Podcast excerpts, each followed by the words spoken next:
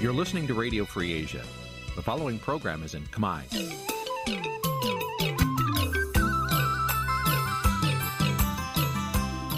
Nǐ chi càm bi tiệp xáy vệt chiu a zì sê នេះជាកម្មវិធីផ្សាយរបស់ Vithu Azisari ជាភាសាខ្មែរ វិទ្យុអាស៊ីសេរីសូមស្វាគមន៍លោកអ្នកនាងទាំងអស់ពីរដ្ឋធានី Washington នៃសហរដ្ឋអាមេរិក ចាប់ពីរដ្ឋធានី Washington នាងខ្ញុំម៉ៅសុធានីសូមជម្រាបសួរលោកអ្នកស្ដាប់ទាំងអស់ជាទីមេត្រីចាយើងខ្ញុំសូមជូនការផ្សាយសម្រាប់ព្រឹកថ្ងៃប្រហោះ7កើតខែបោះឆ្នាំខាលចត្វាស័កពុទ្ធសករាជ2566ហើយដល់ត្រូវនៅថ្ងៃទី29ខែធ្នូគ្រិស្តសករាជ2022ជាកិច្ចចាប់ផ្ដើមនេះនាងខ្ញុំសូមអញ្ជើញលោកអ្នកនាងកញ្ញាស្ដាប់ព័ត៌មានប្រចាំថ្ងៃដែលមានមេត្តាដូចតទៅ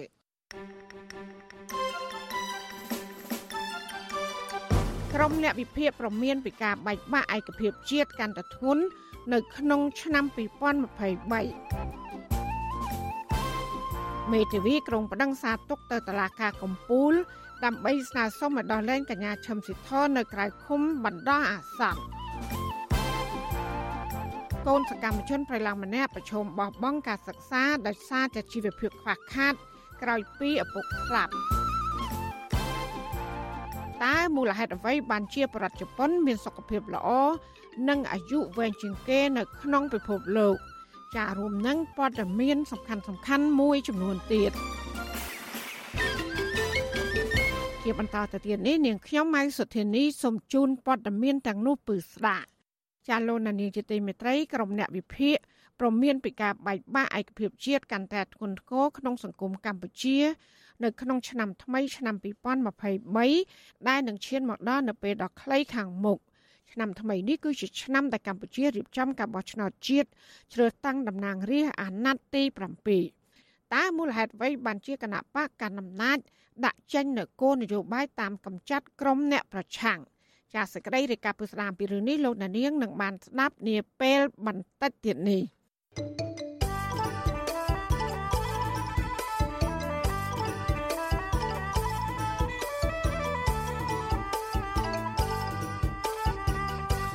ចាលោកនានីជាទីមេត្រីសាឡាវតូភ្នំពេញកាត់ថ្ងៃទី28ខែធ្នូម្សិលមិញ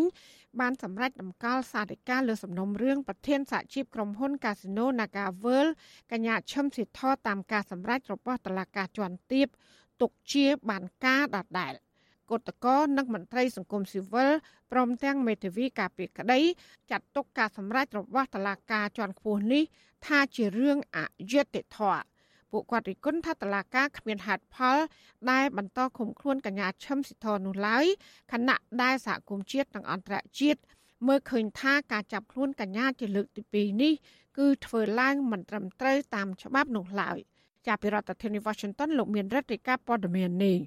ក្រុមប្រឹក្សាជំនុំជម្រះនៃសាលាធរភ្នំពេញសមាងហេតុផលថាសំណុំរឿងរបស់ប្រធានសហជីពក្រុមហ៊ុន Nagawal កញ្ញាឈឹមស៊ីធ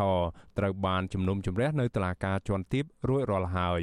តុលាការជាន់ខ្ពស់មួយនេះច្រានចោលចំពោះការស្នើសុំឲ្យកញ្ញានៅក្រៅឃុំបណ្ដោះអាសន្ននិងប្រកាសរក្សាការសម្រេចរបស់សាលាដំបងទុកជាបានការដដែលក្រុមកោតក្រ Nagawal និងមេធាវីការពីក្តី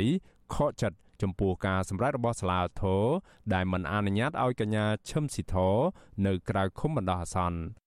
អនុប្រធានសហជីពក្រុមហ៊ុន Nagawal លោកស្រីឈឹមសុខនប្រាវិសុយស៊ីស្រីថាលោកស្រីសោកស្ដាយចំពោះការសម្រេចរបស់សាលាធរដែលតម្កល់សាលក្រមលើសំណុំរឿងកញ្ញាឈឹមស៊ីធទុកជាបានការដដែល លោកស្រីថាក្រុមកោតក្រនឹងនៅតែចេញធ្វើកោតកម្មដោយសន្តិវិធី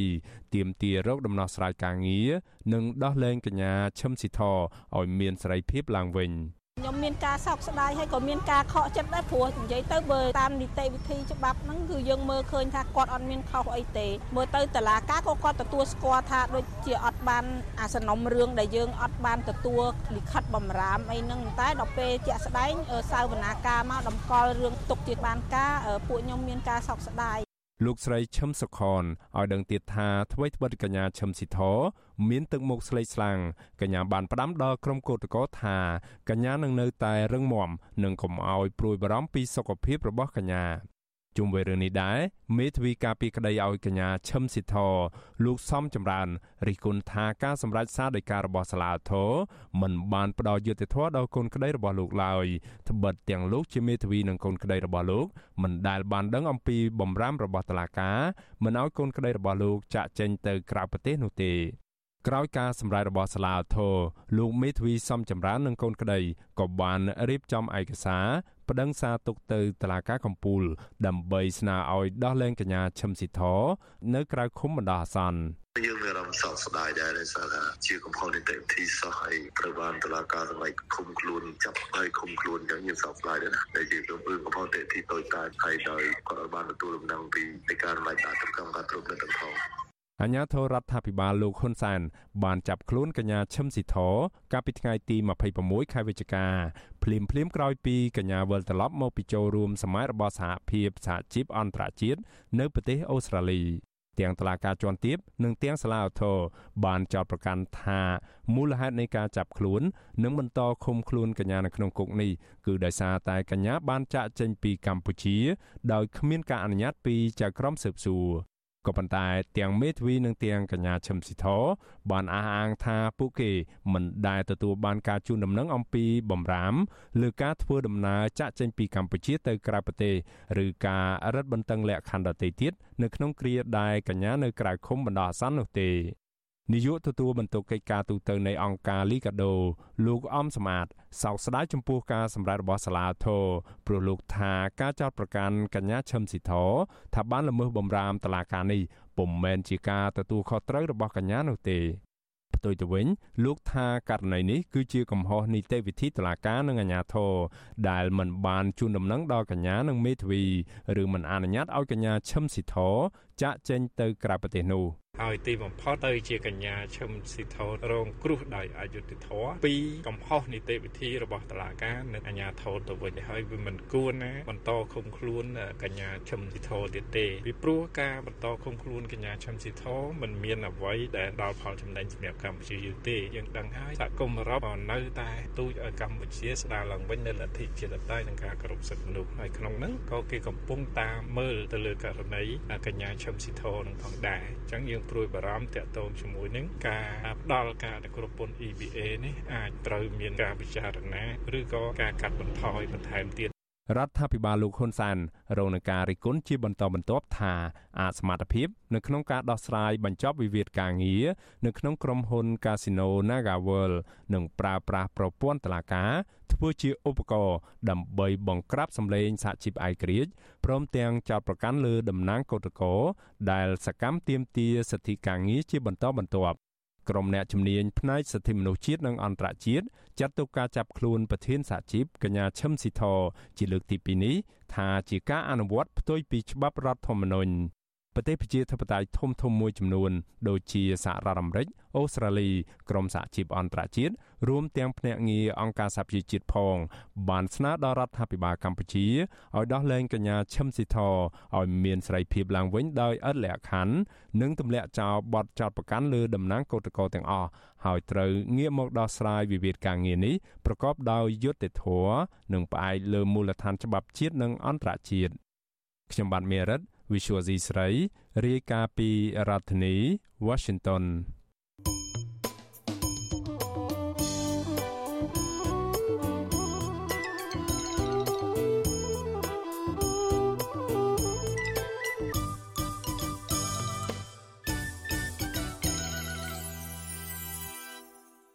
ចាលោកនាងជាទីមេត្រីមន្ត្រីសង្គមស៊ីវិលស្នើដល់រដ្ឋាភិបាលលោកហ៊ុនសែនថាគួរអនុវត្តនិងដោះស្រាយបញ្ហាចាប់ចងឬក៏ការចោតប្រកាន់បរដ្ឋឲ្យមានដំណាភាពនិងគុំប្រកាន់បពពួកការលើកឡើងនេះធ្វើឡើងក្រោយពេលដែលលោកនាយករដ្ឋមន្ត្រីហ៊ុនសែនចេញមុខធានាឲ្យបុគ្គលិកទូរទស្សន៍បាយ័នម្នាក់ឲ្យនៅក្រៅឃុំបណ្ដោះអាសន្នពាក់ព័ន្ធនឹងករណីលួចដីខ្យល់តម្លៃជិត40លានដុល្លារអាមេរិក លោកនាយករដ្ឋមន្ត្រីហ៊ុនសែនលើកឡើងពីភាពអយុត្តិធម៌នៃការចាប់ចងបរដ្ឋរឿងបញ្ហាដីធ្លីនិងចាប់ខ្លួនបរដ្ឋខុសច្បាប់នាពេលនេះខណៈដែលមនុស្សក្បែរខ្លួនរបស់លោកជួបបញ្ហានេះទោះយ៉ាងណាមន្ត្រីសង្គមស៊ីវិលចង់ឃើញការដោះស្រាយបញ្ហានេះឲ្យបានទូលំទូលាយនិងស្មើភាពលើបរដ្ឋទូទៅដែលជួបបញ្ហានាយកទទួលបន្ទុកកិច្ចការទូតនៅអង្គការលីកាដូលោកអំសំអាតគ្រប់គ្រងប្រសាសន៍របស់លោកនាយករដ្ឋមន្ត្រីហ៊ុនសែន លោកថាករណីចំនួនដីធ្លីមិនមែនជាបទល្មើសជាក់ស្ដែងដូច្នេះសមត្ថកិច្ចមិនគួរចាប់ខ្លួនបរិវត្តដែលមានចំនួនដីធ្លីនោះឡើយលោកអំសំអាតលើកឡើងទៀតថាដើម្បីឲ្យបរិវត្តអាចទទួលបានយុត្តិធម៌ដោយច្បាប់ចែងគួរតែមានការកែតម្រង់ប្រព័ន្ធតុលាការខណៈដែលប្រព័ន្ធយុត្តិធម៌សពថ្ងៃមិនទាន់អាចឆ្លើយតបទៅនឹងបញ្ហារបស់ប្រជាពលរដ្ឋបានឡើយ។ រឿងបាត់ល្មើសខ្លះដែលកើតចេញពីវិវាទដីធ្លីគឺរឿងស៊ីវិលម្ចាស់មិនដឹងទៅបែរទៅជាដឹងរឿងគ្រប់បន្ទាន់វិញសាលាការគួរតែពិចារណាថាបានគ្រប់ទាំងជ្រោយមុននឹងសម្រេចក្នុងការចោទកម្មឬក៏ចេញពីការទៅសមត្ថកិច្ចឲ្យចាប់ខ្លួនហើយសមត្ថកិច្ចដូចគ្នាដែរត្រូវតែនឹកមើលឲ្យបានច្បាស់លាស់សិនមុនធ្វើការចាប់ខ្លួនណា ស្រដៀងគ្នានេះដែរប្រធានសម្ព័ន្ធសហគមន៍កសិករកម្ពុជាលោកថេងសាវឿនសង្កេតឃើញថាប្រព័ន្ធតឡាការកំពុងរងការរិះគន់ថាបានគៀបសង្កត់លើបរដ្ឋក្រីក្រដែលមានបញ្ហាជាមួយអ្នកមានលុយនិងអ្នកមានអំណាចលោកបន្តថាការអនុវត្តការងាររបស់តឡាការហាក់មានប្រសិទ្ធភាព តែលើអ្នកមានលុយមានអំណាចក្នុងការគៀបសង្កត់លើបរដ្ឋដែលមានបញ្ហាដីធ្លីក៏ប៉ុន្តែបរដ្ឋក្រីក្រកម្រទទួលបានយុត្តិធម៌ពីតុលាការណាលោកថាការបង្កើតភាពអយុត្តិធម៌បែបនេះនឹងជះឥទ្ធិពលមិនល្អដល់រដ្ឋាភិបាលមន្ត្រីសង្គមស៊ីវិលធ្វើការងារជាមួយកសិកររូបនេះស្នើទៅរដ្ឋាភិបាលលោកហ៊ុនសែនគួរតែអនុវត្តច្បាប់ឲ្យបានទូលំទូលាយ ខ្ញុំគិតថាការអនុវត្តនៅប្រព័ន្ធយុទ្ធធម៌គឺត្រូវធ្វើលក្ខណៈដោយតម្លាភាពមិនផ្ដោតតែទម្លើទៅចិត្តបោះឆ្នោតដើម្បីទីងកឬក៏តាក់ទាញនៅសម្លេងមតិទេហើយមួយវិញទៀតពលរដ្ឋពេលបច្ចុប្បន្ននេះគាត់យល់ដឹងច្បាស់ណាស់ថាមុនបោះឆ្នោតឬក៏ក្រោយបោះឆ្នោតក៏ដោយទោះបីជាមានការអំពាវនាវឬក៏រហូតដល់មានការប៉ះពាល់ដែរក៏ប៉ុន្តែគាត់នៅតែវិនិច្ឆ័យនិងវិនិច្ឆ័យថាប្រព័ន្ធយុទ្ធធម៌នឹងមិនទាន់មានតម្លាភាពក្នុងការផ្ដល់យុទ្ធធម៌ជូនដល់ប្រជាពលរដ្ឋលោកថេងសវឿនលើកឡើងទៀតថានៅពេលដែលលោកនាយករដ្ឋមន្ត្រីហ៊ុនសែនចេញអនុសាសន៍គេតែងតែឃើញមន្ត្រីថ្នាក់ក្រោមអនុវត្តភ្លាមភ្លាមក៏ប៉ុន្តែបានតែមួយរយៈខ្លីប៉ុណ្ណោះហើយក្រោយមកមន្ត្រីខលខូចក៏បន្តគៀបសង្កត់បរដ្ឋដដែលលោកក៏បានស្នើទៅប្រមុខរដ្ឋាភិបាលថានៅពេលដែលចេញអនុសាសន៍រួចហើយគួរតែតាមដានការអនុវត្តការងាររបស់មន្ត្រីថ្នាក់ក្រោមមន្ត្រីសង្គមស៊ីវិលលើកឡើងដូចនេះក្រោយដែលលោកនាយករដ្ឋមន្ត្រីហ៊ុនសែនបានចេញមុខធ្វើអន្តរាគម ទាមទារទៅកងរាជអាវុធហត្ថរាជធានីភ្នំពេញឲ្យដោះលែងបុគ្គលិកទូរទស្សន៍បាយ័នម្នាក់ដែលមានចំនួនរឿងដីធ្លី ជាមួយនឹងឈ្មួញរកស៊ីដីធ្លីសមត្ថកិច្ចបានចាប់ខ្លួនបុគ្គលិកទូរទស្សន៍បាយ័នរូបនេះនៅក្នុងសំណុំរឿងលួចដីខ្យល់តម្លៃ36លានដុល្លារលោកនាយករដ្ឋមន្ត្រីហ៊ុនសែនលើកឡើងដូចនេះ កាលពីថ្ងៃទី27ខែធ្នូក្នុងពិធីបិទសន្និបាតបូកសរុបលទ្ធផលការងារឆ្នាំ2022និងលើកទិសដៅការងារឆ្នាំ2023របស់ក្រសួងរៀបចំដែនដីនគររូបនីយកម្មនិងសំណង់លោកនាយករដ្ឋមន្ត្រីហ៊ុនសែនក៏បានស្នើទៅតុលាការនិងសមត្ថកិច្ចគួរគុំប្រញាប់ចាប់ខ្លួនបរិវត្តពេកដែលត្រូវតែមានការស៊ើបអង្កេតឲ្យបានល្អិតល្អន់ជាមុនសិន។ លោកហ៊ុនសែនក៏ប្រមានដកឋានៈនគរបាលយុតិធធដែលបានយកទួនាទីរបស់ខ្លួនចាប់ចងប្រជាពលរដ្ឋ បុគ្គលិកបាយ័នម្នាក់ត្រូវបានចាប់ខ្លួនហើយខ្ញុំធានាហើយនៅក្រៅឃុំសិនហើយខ្ញុំបញ្ជូនមេធាវីរបស់ខ្ញុំទៅការពារក្តីឲ្យរឿងដែលហេតុអីបានជឿគឺថាអ្នកនឹងចូលរួមជាមួយនឹងអ្នកណានោះលក់ដីអីដីខ្យល់ដីអីមិនដឹងទេប៉ុន្តែបើរវល់របបទៅរឿងចាប់រឿងចងរឿងចាប់រឿងចងនោះយ៉ាងម៉េចហើយដីខ្យល់នោះថានឹងធ្វើទៅតាមច្បាប់តាមត្រឡប់ទៅក៏ប៉ុន្តែពួកយើងនឹងកុំបញ្ញាប់បញ្ញាល់ឲ្យរឿងចាប់ពេកបានទេខ្ញុំសូមវល់ក លោកនាយករដ្ឋមន្ត្រីហ៊ុនសែនក៏រំលឹកទៅក្រមការងាររដ្ឋាភិបាល ដែលដោះស្រាយវិវាទដីធ្លីក្រៅប្រព័ន្ធតុលាការថាត្រូវតែដោះស្រាយបញ្ហានេះដោយគ្មានការលំអៀងទៅក្រមណាមួយទៅមិនបង្កការឈឺចាប់ដល់ប្រជាពលរដ្ឋ អង្គការសិទ្ធិនោះលីកាដូឲ្យដឹងថាយ៉ាងហោចណាស់អ្នកជាប់ឃុំមនសិការចំនួន49នាក់កំពុងជាប់ឃុំដោយអយុត្តិធម៌ដោយសារការធ្វើសកម្មភាពនយោបាយបរិស្ថាន សង្គមដីធ្លី ឬក៏ការងាររបស់ពួកគាត់មន្ត្រីសិទ្ធិនោះលោកអំសំអាតថ្នាក់ទៅរដ្ឋាភិបាល គួរតែពិនិត្យឡើងវិញពីការចាប់ខ្លួនសកម្មជននយោបាយសកម្មជនសិទ្ធិមនុស្សនិងអ្នកធ្វើការងារសង្គមផ្សេងៗទៀតដើម្បីឲ្យពួកគាត់អាចវិលទៅរស់នៅជួបជុំក្រុមគ្រួសារចាលោកនាងកញ្ញាកំពុងស្ដាប់ការផ្សាយរបស់វិទ្យុអសីសេរីផ្សាយចេញពីរដ្ឋធានី Washington ជាដំណើរគ្នានឹងស្ដាប់ការផ្សាយរបស់វិទ្យុអស៊ីសេរីតាមបណ្ដាញសង្គម Facebook និង YouTube លោកអ្នកនាងកញ្ញាក៏អាចស្ដាប់ការផ្សាយរបស់វិទ្យុអស៊ីសេរី តាមរយៈរលក ធាតុអាកាសខ្លីឬ Short Wave តាមកម្រិតនិងកម្ពស់ដូចតទៅចាប់ពីព្រឹកចាប់ពីម៉ោង5កន្លះដល់ម៉ោង6កន្លះតាមរយៈប៉ុស SW 9.39 MHz ស្មើនឹងកម្ពស់ 32m និងប៉ុស SW 11.85 MHz ស្មើនឹងកម្ពស់ 25m ចាសសម្រាប់ពេលយប់វិញចាប់ពីម៉ោង7កន្លះដល់ម៉ោង8កន្លះតាមរយៈប៉ុស SW 9.39 MHz ស្មើនឹងកម្ពស់ 32m ប៉ុស SW 11.88 MHz ស្មើនឹងកម្ពស់ 25m និងប៉ុស SW 15.15 MHz ស្មើនឹងកម្ពស់ 20m ចាសសូមអរគុណ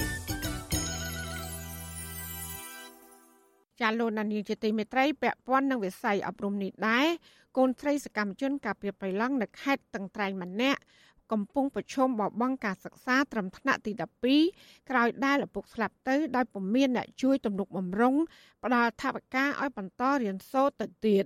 ក្រុមស្នូលការពីបៃឡង់ទទូចដល់សប្បុរសជនឲ្យជួយផ្ដល់ជំនួយមនុស្សធម៌ដើម្បីទ្រទ្រង់ការសិក្សាកូនស្រីរបស់អ្នកការពារប្រិយរូបនេះដែលកំពុងជួបការលំបាកផ្នែកជីវភាពចាលោកគង្រីដែលជាសកម្មជនការពារបៃឡង់ដ៏ក្លាហានម្នាក់បានស្លាប់ដោយសារជំងឺមហារីកក្រពះកាលពីចុងខែតុលាឆ្នាំ2022កន្លងទៅនេះចានេះគឺជាសកម្មភាពពុស្ដារបស់លោកសេកបណ្ឌិត ជំវិញព័ត៌មាននេះ ដូចតទៅកូនស្រីសកម្មជនការពីប្រៃឡង់ខេត្តស្ទឹងត្រែង គឺកញ្ញាឆេនបុផា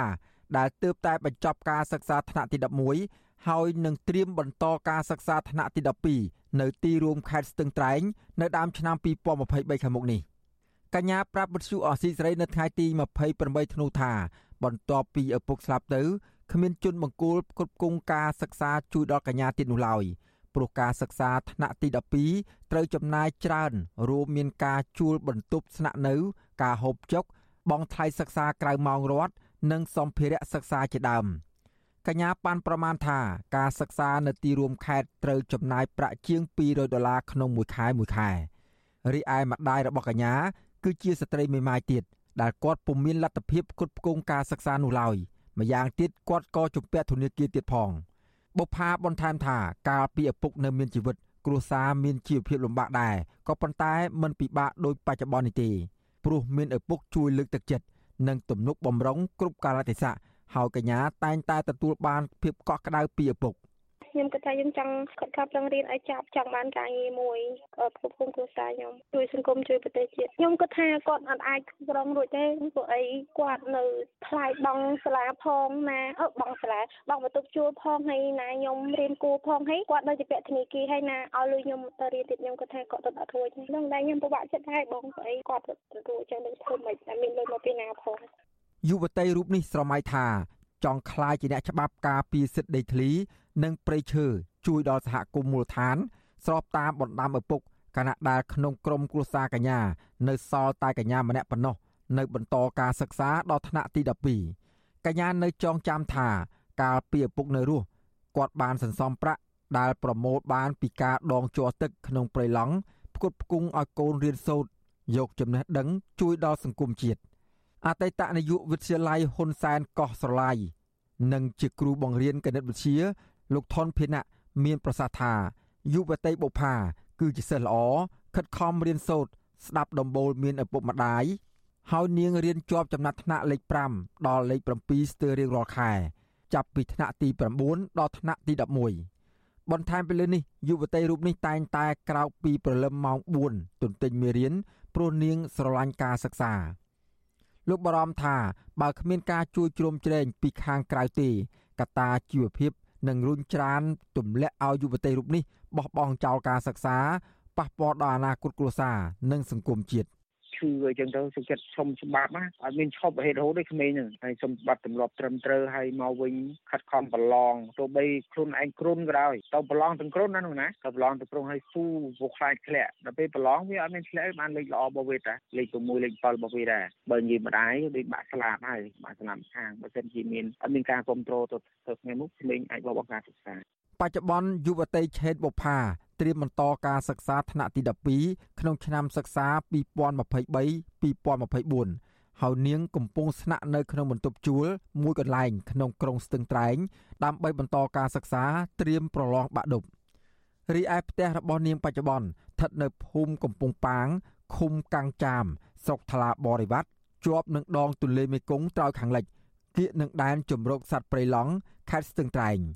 កញ្ញាមានបងប្អូន4នាក់ ប្រុស1ស្រី3រស់នៅក្នុងផ្ទះឈើទំហំ6ម៉ែត្រកន្លះគុណនឹង7ម៉ែត្រកន្លះប្រក់សង្កសីបាំងបិទដោយជញ្ជាំងធ្លុះធ្លាយគ្រួសារបុផាមានមុខរបរធ្វើស្រែចម្ការ លើផ្ទៃដី1ហិកតានិងដងជ័រទឹកលក់ក្នុងតំបន់ព្រៃឡង់ដើម្បីផ្គត់ផ្គង់ជីវភាពប៉ុន្តែក្រោយពីឪពុក គឺលោកគង្រីស្លាប់ទៅពុំមានអ្នកដងជ័រទឹកក្នុងតំបន់ព្រៃឡង់ទៀតនោះឡើយ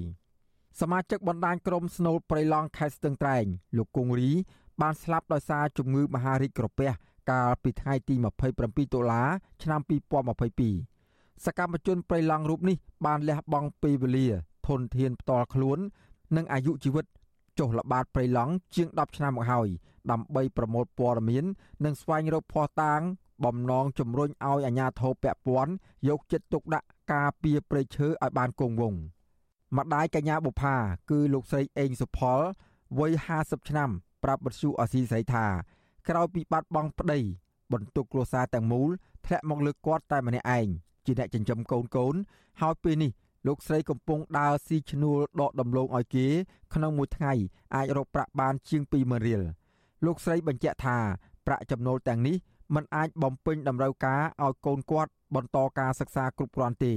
ម្យ៉ាងលោកស្រីត្រូវសងធនាគារក្នុងមួយខែមួយខែជាង100ដុល្លារទៀតផង។ ខ្ញុំទៅទាំងប្រាប់គ្រូទាំងអដេញរៀននឹងថាមួយខែប្រហែល200ហើយលោកគ្រូបានបានរត់រួចអញ្ចឹងហើយដែលខ្ញុំពិបាកដែលខ្ញុំយំដែលខ្ញុំគិតឃើញថាពិបាកជីវភាពរបស់ខ្ញុំរត់អត់រួចអញ្ចឹងណាលោកប៉ានៅគាត់បានដងជ័រលោកខ្ញុំបានដាំដលងដាំអីជួយអញ្ចឹងណាលោកគ្រូដល់អញ្ចឹងទៅឆ្នាំនេះវិញអញ្ចឹងអត់បានជួយទាំងអស់បើគាត់ឈឺគ្រូខ្ញុំដើរទីឈ្នួលគេរហូតដល់រងៃនឹងបងធនាគារផងពិបាកកូនរៀនអញ្ចឹងដែលខ្ញុំជុំវិញរឿងនេះសមាជិកក្រុមស្នូលព្រៃឡង់ខេត្តស្ទឹងត្រែង លោកខេងខូសង្កេតឃើញថា លោកគង្រី បានលះបង់ធំធេងណាស់ដោយយកជីវិតជាដើមទុន ការពីព្រៃជាច្រើនឆ្នាំមកហើយបើទោះបីជាប្រឈមនឹងការគំរាមកំហែងពីសំណាក់អាជ្ញាធរក្តីក៏លោកមិនរាថយឡើយលោកខេងខូអំពាវនាវឲ្យសពរដ្ឋជនជួយផ្គត់ផ្គង់ការសិក្សាដល់កូនស្រីសកម្មជនព្រៃឡង់រូបនេះដើម្បីឲ្យគាត់មានលទ្ធភាពបន្តការសិក្សាដែលជាផ្នែកមួយលើកទឹកចិត្តដល់ប្រជាពលរដ្ឋផ្សេងទៀត ដែលហ៊ានលះបង់អាយុជីវិតការពារធនធានធម្មជាតិចូលមកអត់ពីកងរីទៅខ្ញុំថាកូនគាត់នឹងបានចាប់ថ្នាក់កំបានសំខាន់គឺយើងទៅរៀននៅខេត្តវាទៅចំណាយថវិកាតាំងពីទស្សនៈនៅតាំងពីការចាយវាយតាំងបញ្ចប់មកគួយនឹងជាប្រេងដាក់ម៉ូតូជាពិបាកមែនទែននៅគាត់មានឪពុករស់ស៊ីចិញ្ចឹមនៅសារគាត់បាត់បាត់បង់ឪពុកបង្កើតគាត់ទៅហើយកាលពីលោកគង្រីនៅមានជីវិតលោកធ្លាប់ផ្ដល់បទសម្ភាសឲ្យវិទ្យុអាស៊ីសេរីថា កាលពីឆ្នាំ2016លោកបានបង់រំលោះម៉ូតូមួយគ្រឿងមានតម្លៃ1000ដុល្លារដើម្បីចុះល្បាតព្រៃនិងរកអនុផលព្រៃឈើហើយទម្រាំតែសងប្រាក់ធនាគារដាច់ម៉ូតូរបស់លោកបានខូចខាតអស់ស្ទើរតែទាំងស្រុងដោយសារផ្លូវចូលព្រៃឡង់លំបាកខ្លាំងលោកបន្តថាលោកបានលក់ក្របីដើម្បីបង្ក្រប់លុយទិញម៉ូតូចុះល្បាតព្រៃហើយក្នុងពេលចុះល្បាតព្រៃម្ដងម្ដង លោកបានជួបឧបសគ្គជាច្រើន ក្នុងនោះមានការខ្វះខាតប្រេងសាំងខ្វះថ្នាំពេទ្យនិងទឹកស្អាតបរិភោគជាពិសេសភ័យខ្លាចមន្ត្រីបរិស្ថានចាប់ខ្លួនដោយចោទថាពួកលោកចូលព្រៃពុំមានការអនុញ្ញាតបរិសសម្បល់ខ្មៅស្រអែមរូបនេះមិនទុកចិត្តឆ្មាំអភិរក្សព្រៃរបស់ក្រសួងបរិស្ថាន ដែលឈរជើងយាមព្រៃឡង់នោះទេ ស្របពេលដែលក្រសួងបរិស្ថាន នៅតែអនុញ្ញាតឲ្យក្រុមជនល្មើសលួចចូលអាឈើក្នុងព្រៃឡង់ជាហូហែហើយអាជ្ញាធរ មានចេតនាលាក់បាំងព័ត៌មាន និងសកម្មភាពកាប់ឈើធំធំ និងការទុនទ្រានព្រៃឡង់ខុសច្បាប់ជាដើមខ្ញុំបាទសេកបណ្ឌិតវិទ្យុអាស៊ីសេរីពីរដ្ឋធានីវ៉ាស៊ីនតោនលោកអ្នកស្ដាប់ជាទីមេត្រីស្ថិតិអង្គការសុខភាពពិភពលោក នៅឆ្នាំ2022បង្ហាញថាបរដ្ឋជប៉ុន មានអាយុវែងជាងគេក្នុងពិភពលោក ដែលជាមធ្យមអាយុជាង84ឆ្នាំ ក្នុងនោះស្ត្រីអាយុដល់អាយុ87ឆ្នាំហើយចំណែកបរិសវិញ គឺអាយុ81ឆ្នាំចំណែកបរិសខ្មែរវិញជាមធ្យមគឺអាចរស់បានដល់អាយុ70ឆ្នាំក្នុងនោះស្ត្រីអាយុវែងជាងបរោះ72ឆ្នាំរីឯបរោះវិញ អាចរស់បានដល់អាយុ67ឆ្នាំតើមូលហេតុអ្វីដែលនាំឲ្យប្រជាជនជប៉ុនមានសុខភាពល្អនិងអាយុវែង ចាលោកនាងក៏នឹងបានស្ដាប់សេចក្តីរាយការណ៍ពិស្ដារអំពីរឿងនេះនៅក្នុងនេតិសុខភាពប្រចាំសប្ដាហ៍នាពេលបន្តិចទៀតនេះ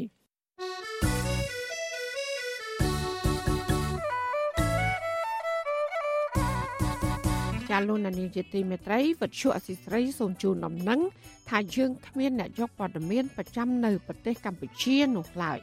ចាបើសិនជាមានជនណាម្នាក់ អះអាងថាទីអ្នកយកព័ត៌មានឲ្យវិទ្យុអសីស្រីនៅកម្ពុជា នោះគឺជាការក្លែងបន្លំយកឈ្មោះ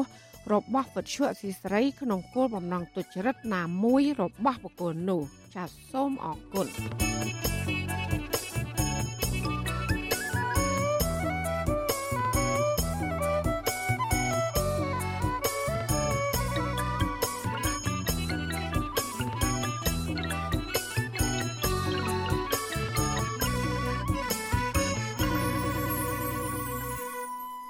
ចាលោកនានីជាទីមេត្រីពាក់ព័ន្ធនឹងផលិតផលកសិកម្មវិញកសិករដាំមៀននៅខេត្តបៃលិននិងខេត្តបាត់ដំបងចោទសហគមន៍មៀនបៃលិនថាទម្លាក់តម្លៃមៀនដែលប៉ះពាល់ដល់ជីវភាពមន្ត្រីសង្គមស៊ីវិលយល់ឃើញថាស្ថាប័នជំនាញដែលពាក់ព័ន្ធគួរតែចោះត្រួតពិនិត្យប្រព័ន្ធសុវត្ថិភាពផលិតកម្មតាក់ទងកិច្ចសន្យាដើម្បីជួយដល់កសិករចាសសូមស្ដាប់សេចក្តីរាយការណ៍ពិស្ដាររបស់លោកយ៉ងច័ន្ទតារាជំវិញព័ត៌មាននេះ ក្រមកសិករដាំមៀនឲ្យដឹងថាពួកគាត់បានរងការកេងប្រវ័ញ្ចពីសហគមន៍មៀនបៃលិនពួកគាត់បញ្ជាក់ថាសហគមន៍បានចុះកុងត្រាទទួលទិញផ្លែមៀននៅក្នុងតម្លៃជាង3000រៀលក្នុង1គីឡូក្រាមក៏ប៉ុន្តែនៅពេលដល់អាយុត្រូវបេះបែរជាសហគមន៍មៀនបេះយកតែផ្លែមួយចំនួន ហើយក្រៅពីនោះគេគិតតម្លៃឲ្យកសិករមិនស្មើ10%នៃតម្លៃកិច្ចសន្យាផងកសិករដាំមៀនមួយរូបនៅខេត្តបាត់ដំបងលោកថេតរិទ្ធី ប្រាប់វិទ្យុអាស៊ីសេរីនៅថ្ងៃទី28ធ្នូថាលោកបានចុះកុងត្រាលក់ឲ្យខាងសហគមន៍មានខេត្តបៃលិនក៏ប៉ុន្តែដោយសារការប្រមូលផលរបស់ពួកគេបេះយកតែផ្លែធំប្រមាណ20%នៅក្នុងតម្លៃកុងត្រាជាង3000រៀលក្នុង1គីឡូក្រាមហើយផ្លែមាននៅសល់ឲ្យតម្លៃលោកត្រឹមតែ300រៀលនៅក្នុង1គីឡូក្រាមដែលស្មើនឹង10%នៃតម្លៃនៅក្នុងកុងត្រា លោកបញ្ជាក់ថាលោកបានបញ្ឈប់កុងត្រានិងលក់ផ្លែមៀនទៅឲ្យឈ្មួញនៅភ្នំពេញដែលបេះយកទាំងអស់បានតម្លៃជាង2000រៀលក្នុង1គីឡូក្រាមក៏ប៉ុន្តែលោកត្រូវបានខាងសហគមន៍មានបៃលិនប្តឹងនិងទារប្រាក់សំណងជំងឺចិត្ត1គុណជា3ទៅវិញ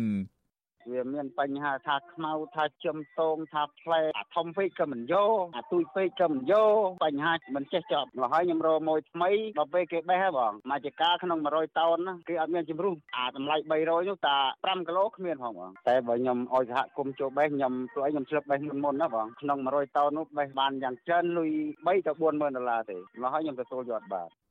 ស្រដៀងគ្នានេះកសិករដាំមៀនម្នាក់ទៀតនៅក្រុងប៉ៃលិនលោកសេងភ័ក្រលៈថ្លែងថា លោកដាំមៀនបាន2000ដើមហើយពេលផ្លែមៀនដល់អាយុប្រមូលផល លោកធ្លាប់ទៅតាក់ទងខាងសហគមន៍មៀនបៃលិន ដើម្បីសាកសួរអំពីតម្លៃដែរហើយខាងសហគមន៍មៀនក៏ថានឹងទិញនៅក្នុងតម្លៃថ្លៃក៏ប៉ុន្តែមិនបានបញ្ជាក់តម្លៃប៉ុន្មាននោះឡើយលោកថាខាងសហគមន៍តែងតែពន្យាពេលមកបេះផ្លែមៀនរបស់លោករហូតជិតហួសពេលប្រមូលផលរួចក៏ដាក់កម្មករមកបេះក៏ប៉ុន្តែមិនបញ្ជាក់តម្លៃអ្វីជាមុនដល់លោកនោះទេលោកបន្តថា ដោយសាររកស៊ីមិនស្មោះត្រង់លោកក៏សម្រេចចិត្តលក់ផ្លែមៀនឲ្យឈ្មួញដតីវិញ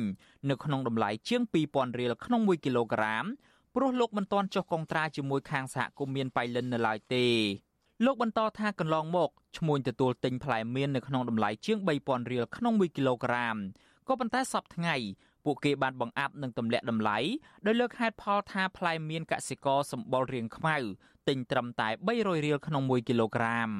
បន្ទ ទុករបស់ខ្ញុំឡើងខូចដល់គាត់បង្កាច់គាត់ចេះថានៅទេនៅទេឲ្យយើងដាក់ឆ្នាំដាក់ជីដាក់ឆ្នាំដាក់ទឹកចឹងណាហើយខ្ញុំធ្លាប់ឮថាគាត់ទៅកាច់ទឹកគេនោះគាត់ទុករបស់គេកាច់ដូចរីច្រើនពេកអញ្ចឹងខ្ញុំសម្រេចចិត្តថាខ្ញុំអត់លក់ឲ្យគាត់ទេខ្ញុំលក់ឲ្យគេ23វិញគេកាច់អស់លេងនិយាយទៅគាត់ទុកទាំងខ្ញុំរហូតដល់កម្មការីទាំងអស់គាត់ធ្វើក្បាច់នឹងធ្វើបាបប្រជាជនដល់ខ្ញុំចង់បានតែច្បាស់លាស់មកឲ្យទៅជួយប្រជាជនឲ្យច្បាស់លាស់តើអ្នកត្រូវខ្លាចអាហ្នឹងគឺការខមមិនគាត់ហ្នឹងដើម្បីជាការកែប្រែគាត់ទៅប៉ុណ្្នឹងទៀតមិនមកឲ្យកសិករយើងវិទ្យុអាស៊ីសេរីមិនអាចតាក់ទងแนะនាំពាក្យសាលា ាខេត្តបៃលិនលោកគូសុំប៊ុនសឿតប្រធានមន្ត្រីកសិកម្មខេត្តបៃលិនលោកសាយសុផាត និងឈ្មោះទទួលទិញផ្លែមៀនតំណាងឲ្យសហគមន៍មៀនបៃលិន គឺលោកសាចម្រើនហៅអឿងដើម្បីសុំអត្ថាធិប្បាយបំភ្លឺជុំវិញរឿងនេះបានទេ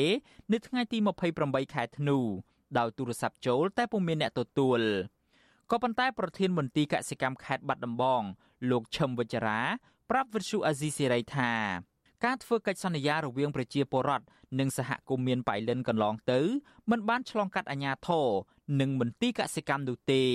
ដូច្នេះនៅពេលមានបញ្ហា គឺពិបាកនៅក្នុងការដោះស្រាយអានេះមិនដឹង ថាកិច្ចសន្យារបស់ពួកគាត់អីយ៉ាងម៉េចពិបាកដែរយើងមិនដឹងថាយើងកាន់ជើងខាងណាឬក៏ខាងណីកើតទេដោយសារយើងវាអត់បានដឹងរឿងហើយទីពីរទៀតខ្ញុំគិតថាបើខាងក្រុមហ៊ុននៅដែលជួយជើងនៅក្នុងទឹកដីខេត្តយើងនេះអានឹងយើងអាចជួយសម្របសម្រួលអីនិយាយគ្នាបានខ្លះប៉ុន្តែកន្លងមកខ្ញុំមិនទាន់បានដឹងទេបើសិនជាក្រុមហ៊ុននៅខាងបៃលិនគេចុះមកទិញដល់ហ្នឹងមិនដឹងថាគេចងអីយ៉ាងម៉េចនៅក្នុងកិច្ចព្រមព្រៀងរបស់គេហ្នឹងព្រោះយើងវាអត់បានដឹងដែរណា ជុំវិញរឿងនេះមន្ត្រីសម្របសម្រួលសមាគមការពារសិទ្ធិមនុស្សអាត6ខេត្តបាត់ដំបងនិងខេត្តបៃលិនលោកយិនមេងលីមានប្រសាសន៍ថានៅពេលដល់រដូវប្រមូលផលកសិករច្រើនតែជួបបញ្ហាពាក់ព័ន្ធទៅនឹងការកេងប្រវ័ញ្ចគ្រប់រូបភាពពីក្រុមឈ្មួញលោកថាកសិករខ្វះចំណេះដឹងផ្លូវច្បាប់នៅក្នុងការធ្វើកិច្ចសន្យាហើយផលិតផលរបស់ពួកគាត់ទុកមិនបានយូរនិងដល់រដូវប្រមូលផលកសិករត្រូវសងប្រាក់ធនាគារ ដែលជាឱកាសរបស់ឈ្មួញនៅក្នុងការទម្លាក់ថ្លៃកសិផលរបស់ពួកគាត់លោកបន្តថាកសិករគួរតែរួមគ្នាបង្កើតសហគមន៍មូលដ្ឋានមួយ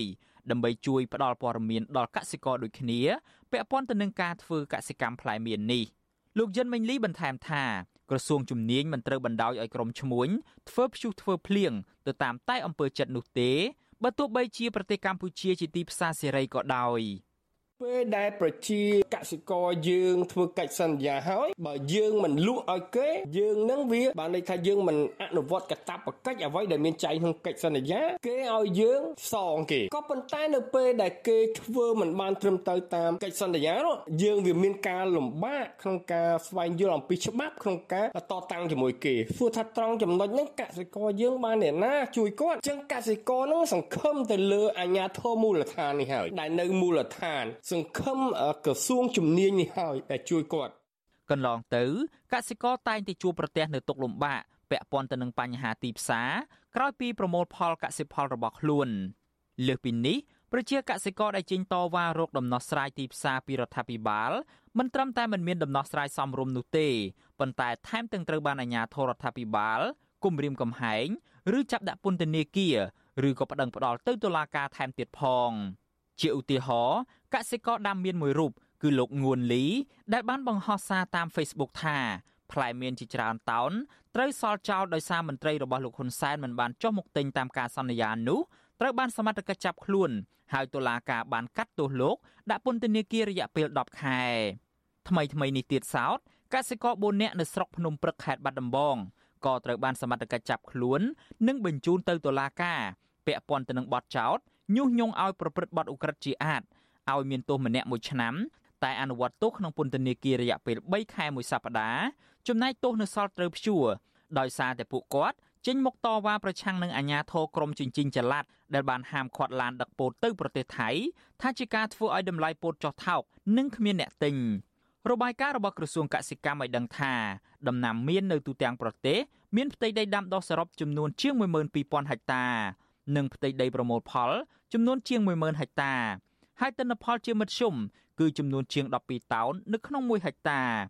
ដែលមានបរិមាណផលិតផលសរុបប្រមាណ130,000តោននៅក្នុងឆ្នាំ2021ប្រជាពលរដ្ឋនិងអង្គការសង្គមស៊ីវិលអំពាវនាវដល់រដ្ឋាភិបាលនិងក្រសួងពាក់ព័ន្ធគួរតែយកចិត្តទុកដាក់លើប្រព័ន្ធសវត្ថិភាពដើម្បីអភិវឌ្ឍវិស័យកសិកម្មនៅកម្ពុជាតាមរយៈការធ្វើផលិតកម្មដោយផ្ដោតទៅលើមុខដំណាំ និងប្រភេទសត្វជាមួយគ្នានេះរដ្ឋាភិបាលក៏គួរផ្សព្វផ្សាយ អំពីផ្ទៃដីដាំដុះដំណាំជាប្រចាំនិងឲ្យបានទូលំទូលាយដើម្បីឲ្យកសិករទទួលបានព័ត៌មានច្បាស់លាស់ពីផែនការកសិកម្មខ្ញុំយ៉ងច័ន្ទដារាវិទ្យុអាស៊ីសេរីរាយការណ៍ពីរដ្ឋធានី Washington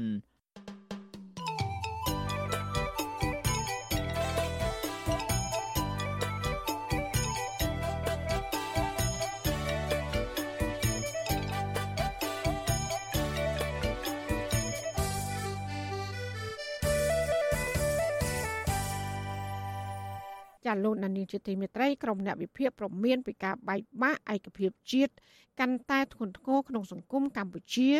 នៅក្នុងឆ្នាំ2023នេះដែលឈាននឹងមកដល់នាពេលដ៏ខ្លីខាងមុខឆ្នាំថ្មីនេះគឺជាឆ្នាំដែលកម្ពុជារៀបចំការបោះឆ្នោតជាតិជ្រើសតាំងតំណាងរាស្ត្រអាណត្តិទី7ចាពួកគេមើលឃើញថាការបន្តបែកបាក់ឯកភាពជាតិនេះ គឺដោយសារតែគណៈបកកាន់អំណាចដាក់ចេញនៅគោលនយោបាយតាមកំចាត់ក្រុមអ្នកប្រឆាំងឬក៏អ្នកដែលមាននានាការផ្ទុយពីរដ្ឋាភិបាលចាលោកមានរិទ្ធមានសក្តិកម្មពិស្ដាជំវិញព័ត៌មាននេះដូចតទៅការចង់ឃើញសង្គមកម្ពុជា មានឯកភាពជាតិពេញលេញជានានឹងគ្នារវាងអ្នកនយោបាយខ្មែរនិងខ្មែរពីគ្រប់និន្នាការនោះ ទំនងជាคล้ายជាបំណងប្រាថ្នាចម្បងមួយក្នុងចំណោមពលរដ្ឋកម្ពុជាទូទៅសម្រាប់ឆ្នាំ2023នេះជាស្ដែងសារជូនពររបស់អ្នកស្ដាប់វិទ្យុស៊ីស្រីមួយរូបគឺលោកមុំផលជាឧទាហរណ៍មួយដែលឆ្លុះបញ្ចាំងអំពីបំណងប្រាថ្នារបស់ពលរដ្ឋខ្មែរសម្រាប់ឆ្នាំថ្មីនេះ ដាច់ឆ្នាំ2022ចូលទីឆ្នាំ2023សូមឲ្យជោគជ័យទាំងអស់គ្នាឲ្យខ្មែររួបរวมគ្នាសាស្ត្រាជាតិទៅដំណោះស្រាយរឿងខ្មែរនៅខ្មែរឡើងវិញបាទសូមជូនពរទាំងអស់តែសេចក្តីសុខទាំងអស់គ្នាបាទក៏ប៉ុន្តែការចង់ឃើញសង្គមខ្មែរមានឯកភាពជាតិពេញលេញនេះទំនងជាពិបាកសម្រេចបាន ពីព្រោះអំឡុងពេលពេញមួយឆ្នាំ2022ដែលជិតផុតទៅហើយនេះគណៈបកកណ្ដាលអំណាចរបស់លោកនាយរដ្ឋមន្ត្រីហ៊ុនសែនមិនបានញញើត នៅក្នុងការដាក់ចេញនៅគោលនយោបាយនិងយុទ្ធសាស្ត្រតាមកំចាត់ក្រុមអ្នកប្រឆាំងដល់ទីបញ្ចប់ឡើយហ៊ុនសែននឹងប្រោផ្ដាច់កំចាត់ចោលនៅមโนគមវិជានៃពូជអាក្បត់ជាតិ3ចំណត់ឥឡូវជិតដល់ខួបលើកទី20នៃការដែលណែឯងដាក់ចេញអត់ស៊ីមានស៊ីអត់សែនមានសែនអត់ស៊ីហើយព្រោះចាប់ផ្ដើមពី2003ណែដាក់ចេញគោលនយោបាយនេះឥឡូវខ្ញុំក៏ ទទួលអនុវត្តគោលនយោបាយនេះដូចគ្នាតែខ្ញុំមិនសម្រាប់ណែទេទំនងជាដើម្បីត្រួសត្រាយនិងធានាដល់ការអនុវត្តនៅផែនការនៃការផ្ទេរអំណាចតពូជពងវងត្រកូលឲ្យកូនចៅរបស់លោកដោយរលូននៅក្នុងឆ្នាំ2023នេះលោកហ៊ុនសែនក៏បានប្រកាសជាសាធារណៈប្រើប្រាស់យុទ្ធសាស្ត្រដាក់ឲ្យដៃគូប្រកួតប្រជែងនយោបាយដ៏ស្រួចស្រាវរបស់លោកគឺលោកសំរាស៊ីឲ្យនៅឯកោ និងបញ្ចប់ជីវិតនយោបាយរបស់លោក ការបដិញ្ញាចិត្តមិនរួញរារបស់លោកនាយរដ្ឋមន្ត្រីហ៊ុនសែននៅក្នុងការដាក់ចេញនៅគោលនយោបាយតាមកំចាត់ខ្មែរគ្នាឯនេះត្រូវគេមើលឃើញថាมันខុសអ្វីពីសម័យកាលខ្មែរក្រហម ដែលអនុវត្តនៅទ្រឹស្ដីជីកស្មៅជីកទាំងរឹសក្រោមការចាត់ប្រកាន់ពីបទក្បត់ជាតិឬក្បត់អង្គការដ៏ទូលំទូលាយគឺដោយសារតែពាក្យក្បត់ជាតិឬក្បត់អង្គការនេះហើយដែលបានធ្វើឲ្យពលរដ្ឋខ្មែរជិត2លាននាក់ត្រូវបានស្លាប់នៅក្នុងសម័យខ្មែរក្រហម អ្នកនាំពាក្យគណៈបកប្រជាជនកម្ពុជាលោកសុកអេសានបញ្ជាក់ចំហថាគណៈបកកណ្ដាលអំណាចនៅក្នុងឆ្នាំ2023នេះនឹងនៅតែមិនចរចាឬផ្សះផ្សាជាមួយក្រុមអ្នកប្រឆាំងដែលលោកហៅថាជាក្រុមជ្រុលនិយមនោះឡើយយើងអត់មានបដែតបដោយទេអាហ្នឹងគឺដាច់ខាតហើយជាមួយពួកនេះអត់មានអីចរចាឬមួយសម្របសម្រួលទេអត់ទេ ពួកគាត់នឹងគាត់ដាច់ខាតជាមួយយើងហើយចាត់ទុកយើងជាខ្មាំងសត្រូវសឹងទាំងសួរពូជទៅហើយអាហ្នឹងយើងចាក់បដ ாய் តាមគាត់អាហ្នឹងជូនតាមដំណើររបស់គាត់ដែរយើងឆ្លើយតបស្របទៅតាមនយោបាយរបស់គាត់ការថ្លែងដាច់ខាតរបស់អ្នកនាំពាក្យគណៈបកកណ្ដាលអំណាចបែបនេះបង្ហាញថាអ្នកនយោបាយខ្មែរហាក់មិនបានរៀនសូត្រពីប្រវត្តិសាស្ត្រដ៏ជូរចត់កាលពីសម័យខ្មែរក្រហមនោះឡើយបើទោះបីជាពិភពលោក បានចំណាយលុយមិនតិចជាង300លានដុល្លារដើម្បីនាំយកក្រុមមេដឹកនាំជាន់ខ្ពស់នៃរបបនេះមកកាត់ទោសដោយតឡាការកូនកាត់ខ្មែរក្រហមយ៉ាងណាក្តីអ្នកវិភាគនយោបាយបណ្ឌិតមាសនេះយល់ឃើញថាគណៈបកកណ្ដាលអំណាចរបស់លោកនាយរដ្ឋមន្ត្រីហ៊ុនសែនបានប្រាជ័យនៅក្នុងការធានាឲ្យបាននៅឯកភាពជាតិដោយតាមអ្វីដែលបានព្រមព្រៀងនៅក្នុងកិច្ចព្រមព្រៀងសន្តិភាពក្រុងប៉ារី23ដុល្លារ1991 មកដល់ពេលនេះយើងឃើញថារដ្ឋាភិបាលប្រមាណអាណត្តិមកដល់ពេលនេះគឺនៅទទួលបរាជ័យនៅឡើយទេនៅក្នុងការនាំមកនូវឯកភាពជាតិក៏ប៉ុន្តែទៅនឹងក៏វាធ្វើឲ្យការប្រេះឆាជាតិនេះគឺមានកាន់តែធំទៅធំទៅរហូតដល់និយាយគ្នាលែងបានហើយដោះស្រាយគ្នាលែងបាននេះជារឿងសំខាន់មួយបើតាមបណ្ឌិតមាសនេះការខ្វះឯកភាពជាតិនេះ ក៏បង្កជាបញ្ហារាំងស្ទះមួយទៅដល់ការអភិវឌ្ឍស្រុកទេស្របពេលដែលប្រទេសនានានៅលើពិភពលោកបច្ចុប្បន្នកំពុងដើរទៅដល់ការធ្វើការរួមគ្នាដើម្បីអភិវឌ្ឍជាតិស្រដៀងគ្នាទៅនឹងការលើកឡើងនេះអ្នកជំនាញផ្នែកវិទ្យាសាស្ត្រនយោបាយលោកអែមសវណ្ណារាមើលឃើញថាសង្គមកម្ពុជា សម្រាប់ឆ្នាំ2023ខាងមុខនេះហាក់ពិបាកនឹងសម្រេចបាននូវការផ្សះផ្សាជាតិឬការត្រូវរើគ្នារវាងអ្នកនយោបាយខ្មែរនិងខ្មែរឡើងវិញណា លោកថាការនេះគឺដោយសារតែអ្នកនយោបាយខ្មែរបន្តអនុវត្តនៅគោលនយោបាយទឹកឡើងត្រីស៊ីស្រមោចទឹកហោចស្រមោចស៊ីត្រីព្រោះ យើងមើលបច្ចុប្បន្ននេះអ្នកនយោបាយមានអំណាចហាក់ដូចជាកំពុងតែផ្ដាច់ផ្ដាល់ឬក៏ធ្វើឲ្យគណៈបក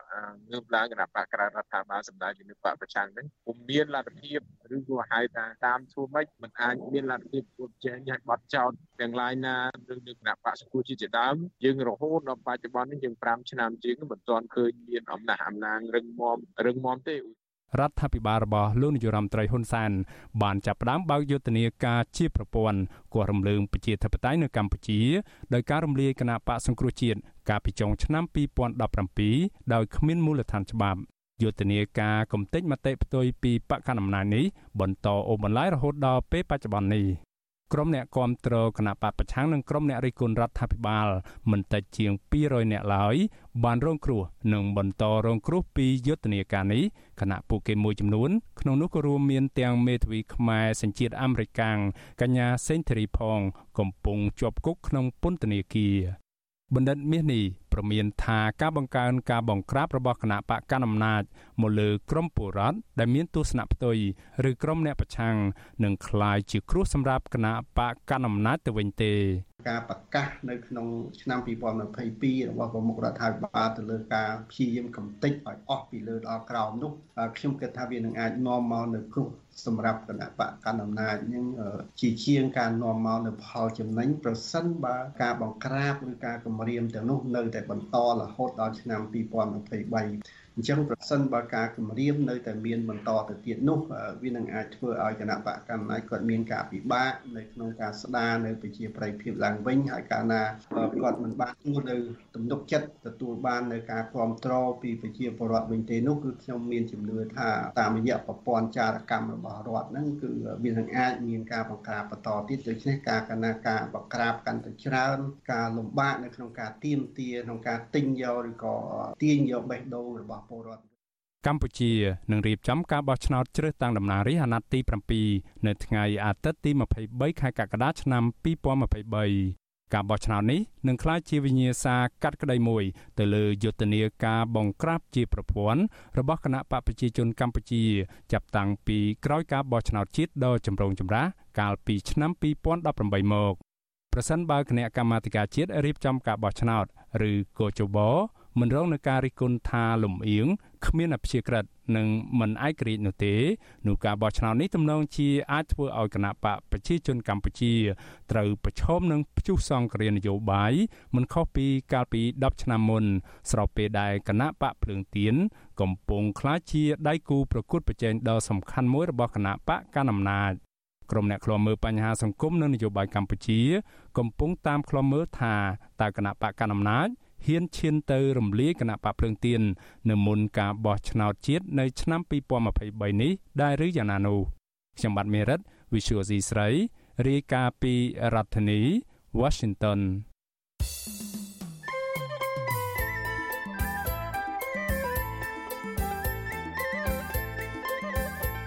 នេតិសុខភាព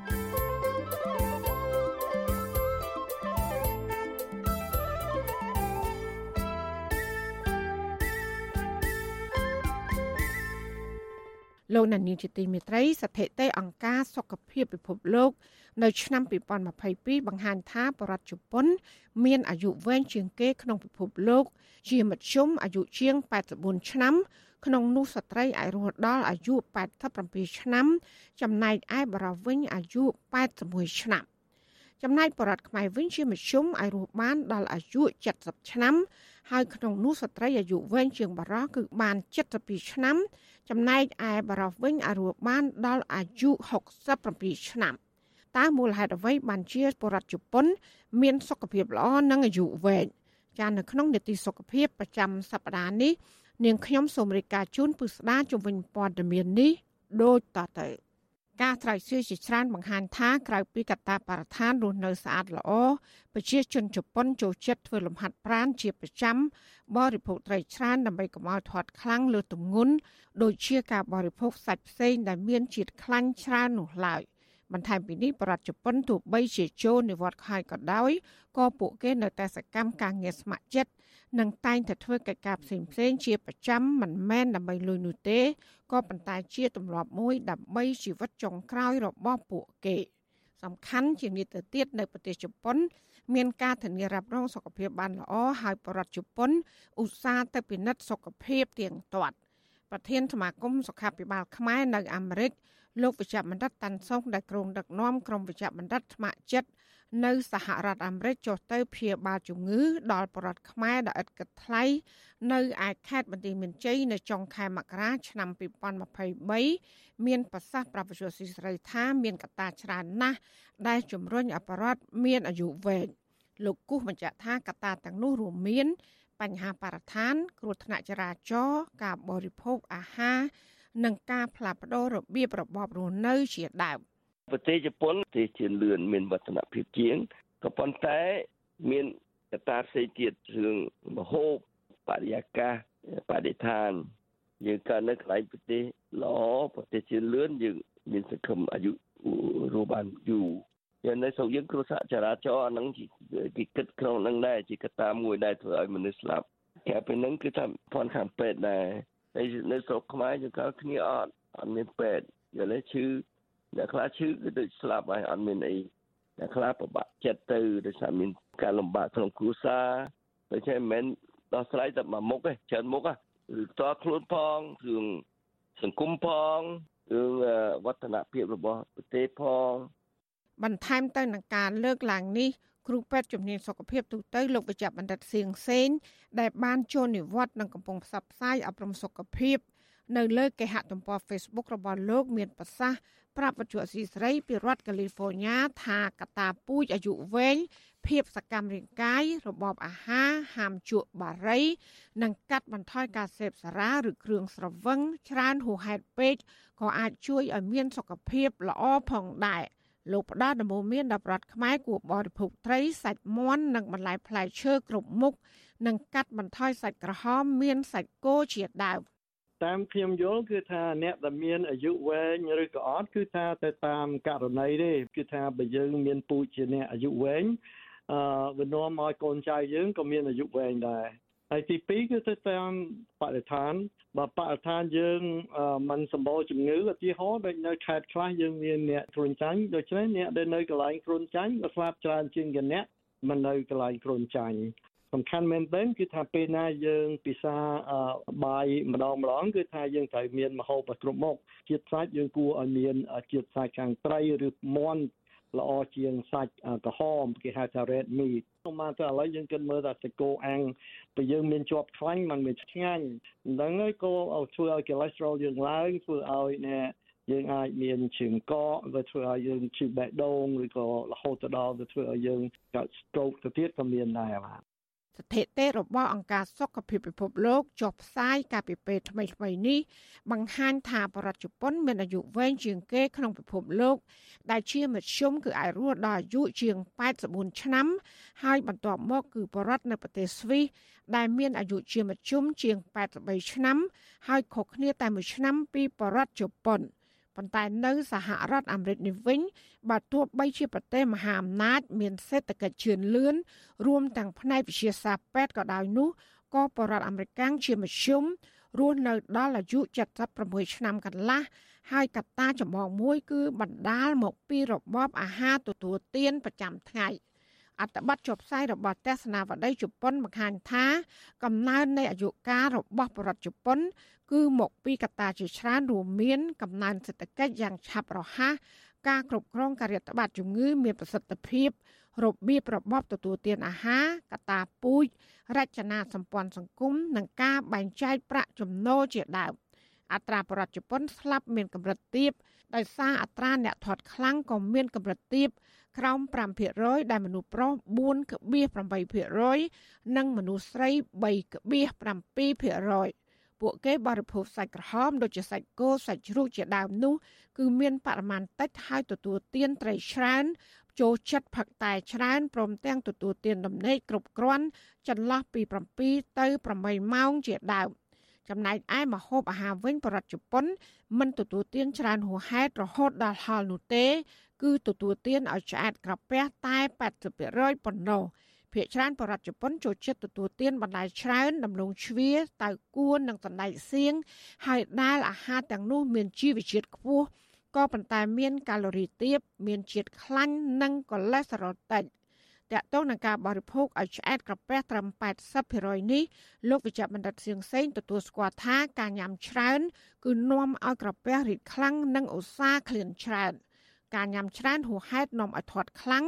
ដូចនេះជាការល្អគឺញ៉ាំបរិមាណតិចក៏ប៉ុន្តែច្រើនដងប្រសើរជាងញ៉ាំច្រើនហួសហេតុតែមួយដង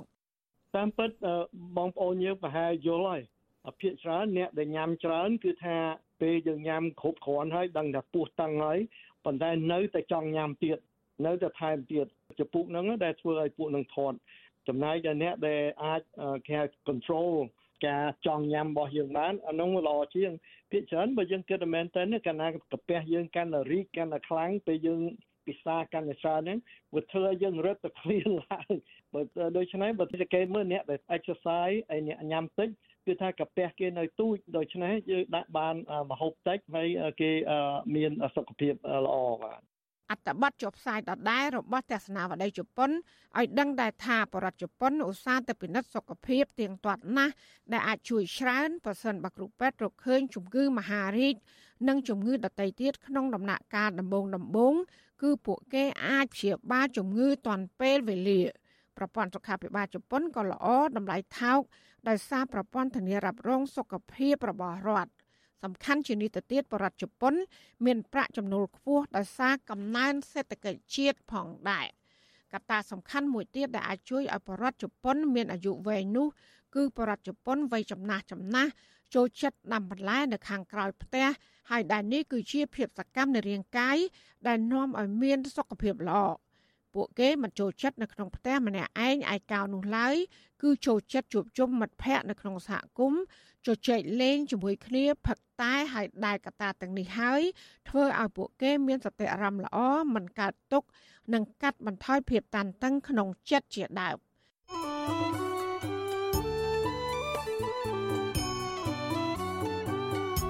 លោកនាងជាទីមេត្រីក្នុងឱកាសនេះដែរនាងខ្ញុំសូមថ្លែងអំណរគុណដល់លោកនាងកញ្ញាទាំងអស់ដែលតែងតែមានភក្ដីភាពចំពោះការផ្សាយរបស់យើងហើយចាត់ទុកការស្ដាប់បច្ចុប្បន្នស៊ីសេរី គឺជាផ្នែកមួយនៃសកម្មភាពប្រចាំថ្ងៃរបស់លោកណានៀងការគ្រប់គ្រងរបស់លោកណានៀងនេះហើយ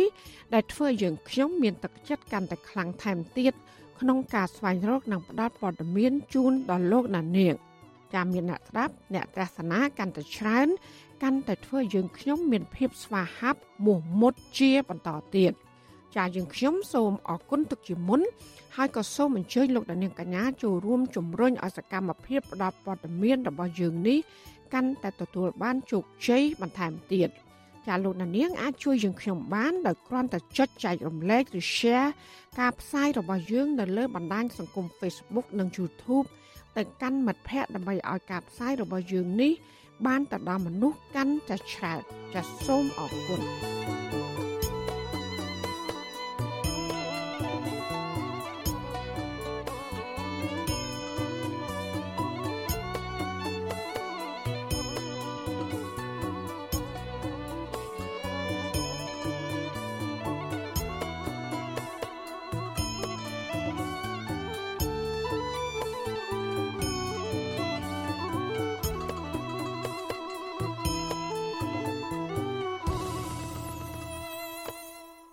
ចាជាបន្តទៅទៀតនេះនាងខ្ញុំម៉ៃសុធានីសូមជូនព័ត៌មានបញ្ចប់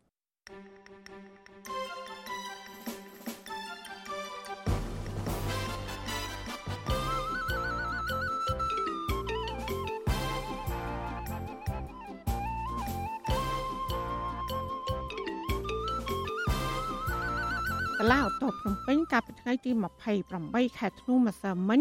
បានសម្រេចដំណើរសារទៅការលើសំណុំរឿងប្រធានសហជីពក្រុមហ៊ុន Casino Naga World កញ្ញាឈឹមស៊ីធតាមការសម្រេចរបស់តុលាការជាន់ទាបទុកជាបានការដដែលគណៈកោនិងមន្ត្រីសង្គមស៊ីវិលព្រមទាំងមេធាវីការពារក្តីចាត់ទុកការសម្រេចរបស់តុលាការជាន់ខ្ពស់នេះថាជារឿងអយុត្តិធម៌ ពួកគាត់រិះគន់ថាតឡាការគ្មានហេតុផលដែលត្រូវបន្តឃុំខ្លួនកញ្ញាឈឹមសិទ្ធននោះទេគណៈដែលសហគមន៍ជាតិនិងអន្តរជាតិមើលឃើញថាការចាប់ខ្លួនកញ្ញាជាលើកទី2នេះគឺធ្វើឡើងមិនត្រឹមត្រូវតាមច្បាប់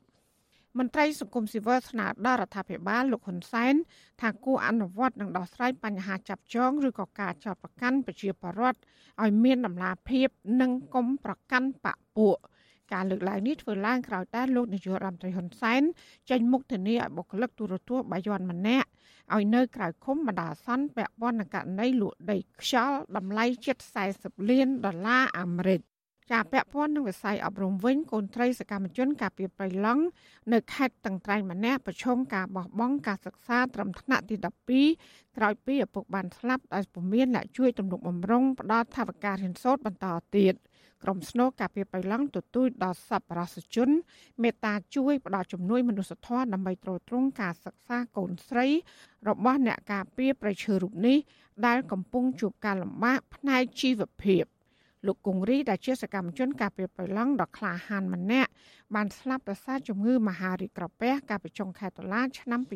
2022កន្លងទៅនេះ។ ចាកសិករដាំមៀននៅខេត្តបៃលិននិងខេត្តបាត់ដំបងចោទសហគមន៍មៀនបៃលិន ថាទម្លាក់តម្លៃមៀនប៉ះពាល់ដល់ជីវភាព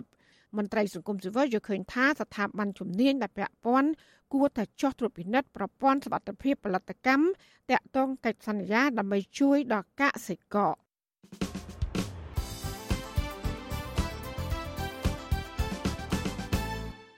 ចាលោកលានកញ្ញាអ្នកស្ដាប់ជាទីមេត្រីការផ្សាយរយៈពេល1ម៉ោងរបស់វិទ្យុអាស៊ីស្រីជាភាសាខ្មែរនៅពេលនេះចាប់តែប៉ុណ្ណេះចាយើងខ្ញុំទាំងអស់គ្នាសូមជូនពរលោកលាននិងក្រុមគ្រួសារទាំងអស់សូមជួបប្រកបតែនឹងសេចក្តីសុខសេចក្តីចម្រើន ជានិរន្តរ៍ចានាងខ្ញុំម៉ៃសុធានីព្រមទាំងក្រុមការងារទាំងអស់របស់អាស៊ីស្រីសូមអរគុណនិងសូមជម្រាបលា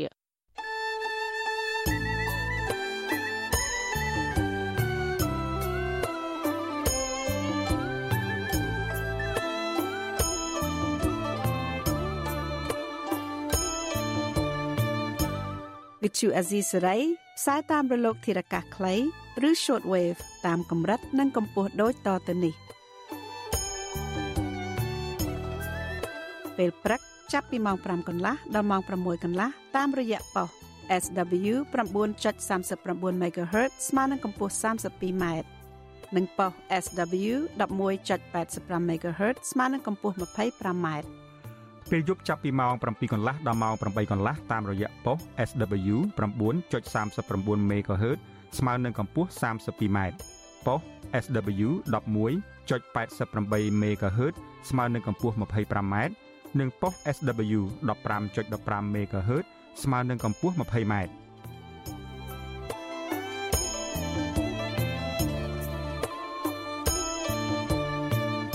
លោកអ្នកនាងក៏អាចស្ដាប់ការផ្សាយផ្ទាល់ តាមប្រព័ន្ធអ៊ីនធឺណិតដោយចូលទៅកាន់គេហទំព័រ www.rfa.org/ ខ្មែរក្រៅពីនេះលោកអ្នកនាងក៏អាចអាននិងទស្សនាព័ត៌មានវិទ្យុអេស៊ីសរ៉ៃលើទូរស័ព្ទដៃរបស់លោកអ្នកផ្ទាល់សូមលោកអ្នកនាង ចូលទៅកាន់កម្មវិធី Facebook រួចស្វែងរកពាក្យ RFA ខ្មែរនិង YouTube ដោយស្វែងរកពាក្យ RFA ខ្មែរសូមលោកអ្នកនាងចុច like និងចុច subscribe ដើម្បីទទួលបានព័ត៌មានថ្មីៗតនហេតុការនិងទស្សនាវីដេអូផ្សេងៗទៀតបានគ្រប់ពេលវេលា។